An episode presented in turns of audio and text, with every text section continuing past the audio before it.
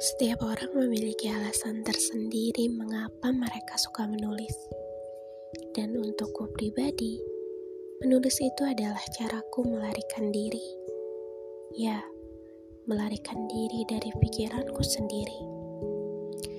Aku tak ingin berharap orang-orang akan mengerti.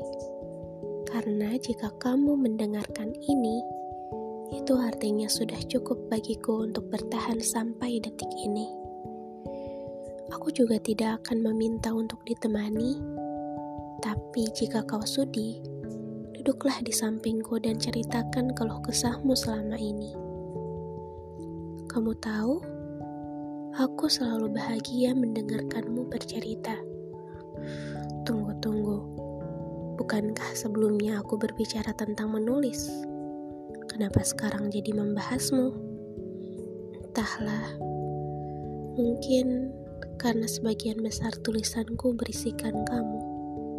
Jadi kalau ada yang bertanya kenapa aku suka menulis, maka akan aku jawab, karena kamu sumber inspirasinya.